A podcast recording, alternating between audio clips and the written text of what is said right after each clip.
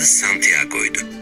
Sürüsüyle birlikte eski terk edilmiş kilisenin önüne geldiğinde güneş batmak üzereydi. Kilisenin çatısı çoktandır çökmüş, bir zamanlar ayin eşyalarının konulduğu yerde kocaman bir firavun inciri büyümüştü. Delikanlı geceyi burada geçirmeye karar verdi. Bütün koyunlarını yıkık kapıdan içeri soktu. belki de son 20 yıldır kişisel gelişim diye tarif edebileceğimiz e, kocaman büyük bir havuzun içerisindeyiz hep beraber.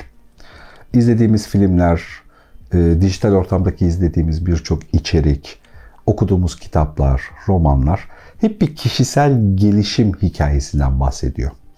Hepimizin içerisinde birer hazine var. Hepimiz dünyaya o hazineyi bulmak, hayattaki anlamımızı anlamak ve bu anlamı başkalarına aktarmak için doğmuşuz duygusunu içinde barındıran ve işte bazı yerlerinin bilimsel ve tutarlı sorguları olan, bazı yerlerinin evrenden iste sana verir gibi hafif sapıtan alanlara doğru giden, e, kendini tarif ederken de hep mutluluğun 8 kuralı, işte kendimizi anlamlı bulmanın 4 kuralı, bir başkasını anlamanın 17 kuralı falan gibi sayılarla ifade edilmiş kurallar zinciri içerisinde olan bir dönemin, sürecin içerisindeyiz. Bugün kendi kişisel menkibelerimizden, mutluluk arayışımızdan belki de ya da bana göre ilk defa bahsettiğini düşündüğüm kitaplardan bir tanesinden bahsedeceğim. Simyacılık. Simyacı 1988 yılında modernizmin son dönemlerinde e, Brezilyalı bir şarkı sözü yazarı tarafından yazılmış. Üçüncü romanıymış Simyacı. Ben de bununla alakalı incelerken tekrar baktım. E, ve Gabriel Garcia Marquez'den sonra dünyanın tümünü sallayan, hani birçok dile çevrilen, milyonlarca satılan kitaplarından bir tanesi. Gerçekten zamanı gelmiş, o değişimin, kırılımın zamanı gelmiş olmalı ki e, aslında hepimizin bildiği menkibeleri çok tatlı, lezzetli, çok basit, çok e, anlama dayalı, masalsı bir hikayeyle beraber bize anlatan bu göreceli olarak ince sayılabilecek kitap tüm dünyayı deyim yerindeyse sallamış gerçekten. Yani o 1980'li yıllarda. Bu arada e, o dönemleri hatırlıyorum. O dönemlerde okumuştum e, Simyacı'yı. 1988 yılını görünce bir böyle huylandım yani konuyla alakalı ne kadar çok zaman geçmiş üzerinden diye. Bu kişisel gelişim havuzunun nasıl oluştuğunu merak ettim.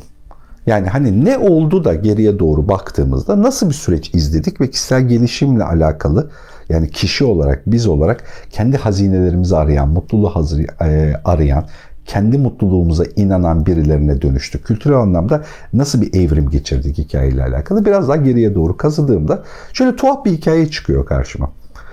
Ee, biz binlerce yıl boyunca e, geleceği merak ettik. Geleceği merak etmemizin temel zemininde de şu var.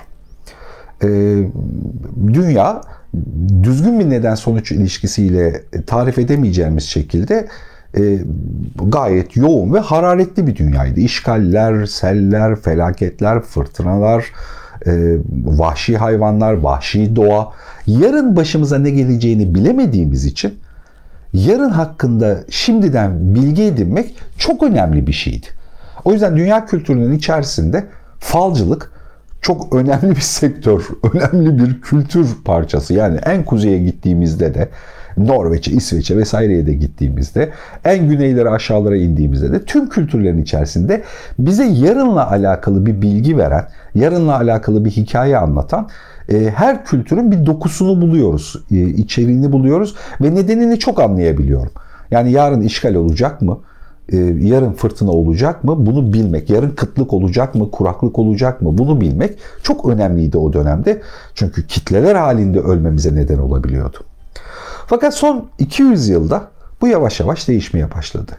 İşte bilimin teknolojinin gelişmesi, daha nedensellikle konuyu sorgulayabilmemiz, daha uzak aralıklara bakabilmemiz e, bizi yarın başımıza gelebileceklerle ilgili daha hazırlıklı hale getirdi. Şimdi hazırlıklı hale gelemediğimiz bazı konular var. Mesela deprem gibi. Onlarla ilgili bile artık farkındalık geliştirdik. Yani deprem diye bir şey başımıza gelebilir. Bunu böyle yaşayabiliriz. Ama işte fırtınalar olacaksa 3-4 gün öncesinden bunu biliyoruz, hazırlık yapabiliyoruz. Ya da hastalıklar, hastalıklarla alakalı nedenlerini sorgulayabiliyoruz, sürecini. Yani pandeminin içerisindeyiz. Hepimiz beraber yaşıyoruz. Başımıza büyük kitlesel bir felaket gelmesine rağmen nedeni ve süreciyle alakalı fikirlerimiz ve bilgilerimiz var. Bu yüzden yarına olan merakımız yavaş yavaş şekil değiştirdi. Kendi kişiliğimize, kendi kimliğimize olan bir meraka dönüşmüş gibi görünüyor. Bunun içerisinde dünyanın genel refah durumunun belli bir oranda birazcık daha iyiye doğru gidiyor olmasının da bir etkisi varmış gibi görünüyor. Yani insanlar kendi kişiliklerinin e, detaylarını, gurmeliklerini merak edecek fırsatı ve zamanı da buluyormuş gibi görünüyor.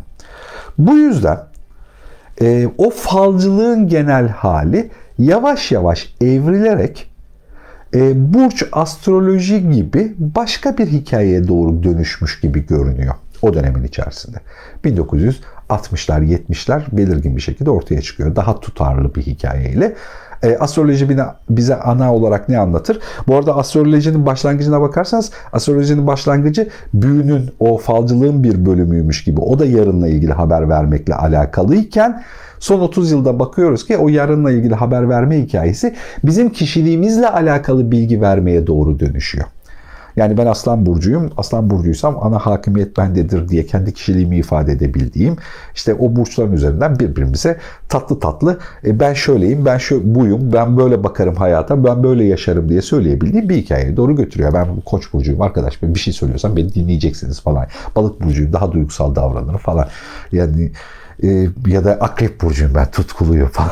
yani hikayesi bu burçların üzerinden birbirimize e, kendi duygularımızı, kendi kişisel özelliklerimizi, e, kendi karakteristik yapımızı anlatabildiğimiz bir fırsat alanı oluşturuyor. Bir iletişim alanı oluşturuyor.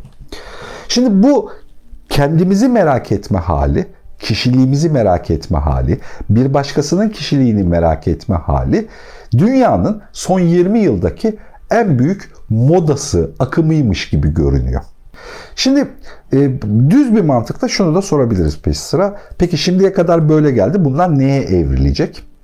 Umut ediyorum ki ya da böyle bir şey seziyorum da. Çünkü kişisel gelişim de e, bundan 10 sene 20 sene öncesindeki başladığı hal gibi değil.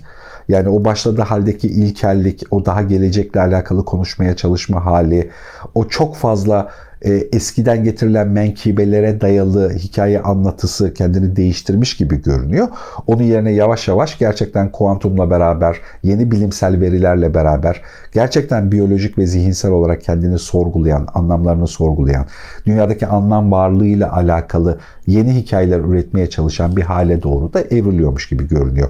Bu evrilmeyle beraber yavaş yavaş kişisel gelişim, bilişsel gelişim gibi kendi zihin şablonlarımızı anlayıp anladığımız zihin şablonlarını nitelikli geliştirme ve kendimizi belli dengelerde tutmayla alakalı bir başka evreye doğru dönüşeceğini hayal ediyorum, umut ediyorum.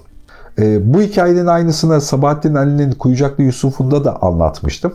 E, orada e, Türkiye'deki şimdi yaşadığımız e, sol ideolojik bakış açısının orijinal halini görüyorduk. O 1930'lardaki 40'lardaki halini görüyorduk. Simyacı'da da bu oluşa gelmiş kocaman kişisel e, gelişim havuzunun orijinal halini, orijinal hikayelerini görüyoruz ki ben bunu çok eğlenceli buluyorum. O kişisel menkibesini kovalayan, e, Endülüs'ten, İspanya'dan yola çıkan 16 yaşında. Bu çok mesela sembolik bir hikaye.